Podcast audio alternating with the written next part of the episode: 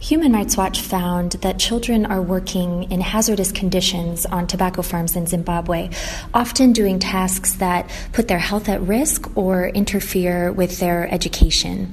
Adults who work in tobacco farming in Zimbabwe face serious health and safety risks and labor rights abuses.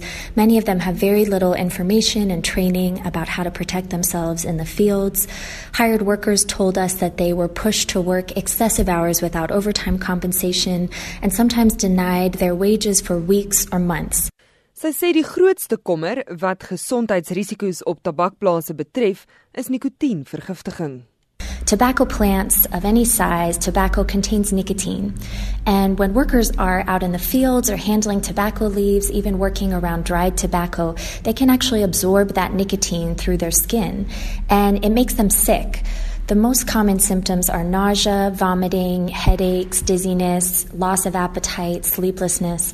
And all of the child workers that we interviewed and many of the adults reported these very symptoms to us when they described how they felt working in tobacco farming.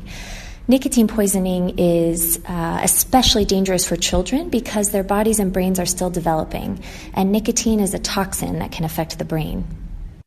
Wurth sê plaagdoders op tabakplase in Zimbabwe is ook rede tot kommer omdat dit nie reg hanteer word nie. Children should never work with pesticides. They've been associated with uh, long term health effects like cancer, uh, reproductive health problems, problems with learning.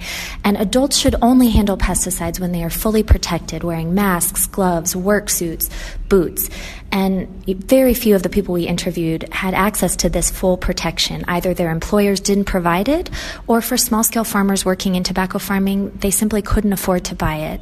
And therefore, many people handled pesticides without protection. Wurth sê omdat tabakproduksie 'n belangrike deel van die ekonomie van Zimbabwe uitmaak, is dit die regering se plig om op te tree om menseregte vergrype en kinderarbeid op tabakplase hok te slaan.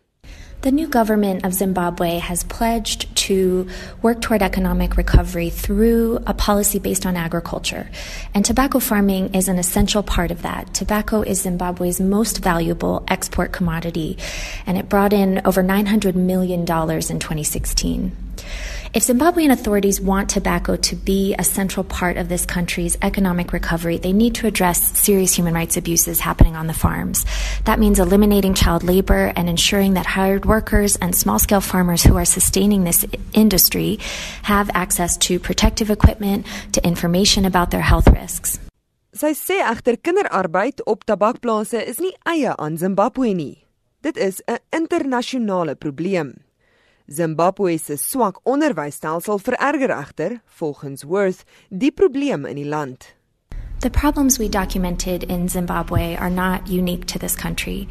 Human Rights Watch has reported on child labor in tobacco farming in several of the world's largest tobacco producers, including the United States and Indonesia. For years, we've been calling on tobacco companies to do more to eliminate child labor in their global supply chains. But one unique problem facing Zimbabwe is that the country still does not provide free and universal access to primary and secondary school.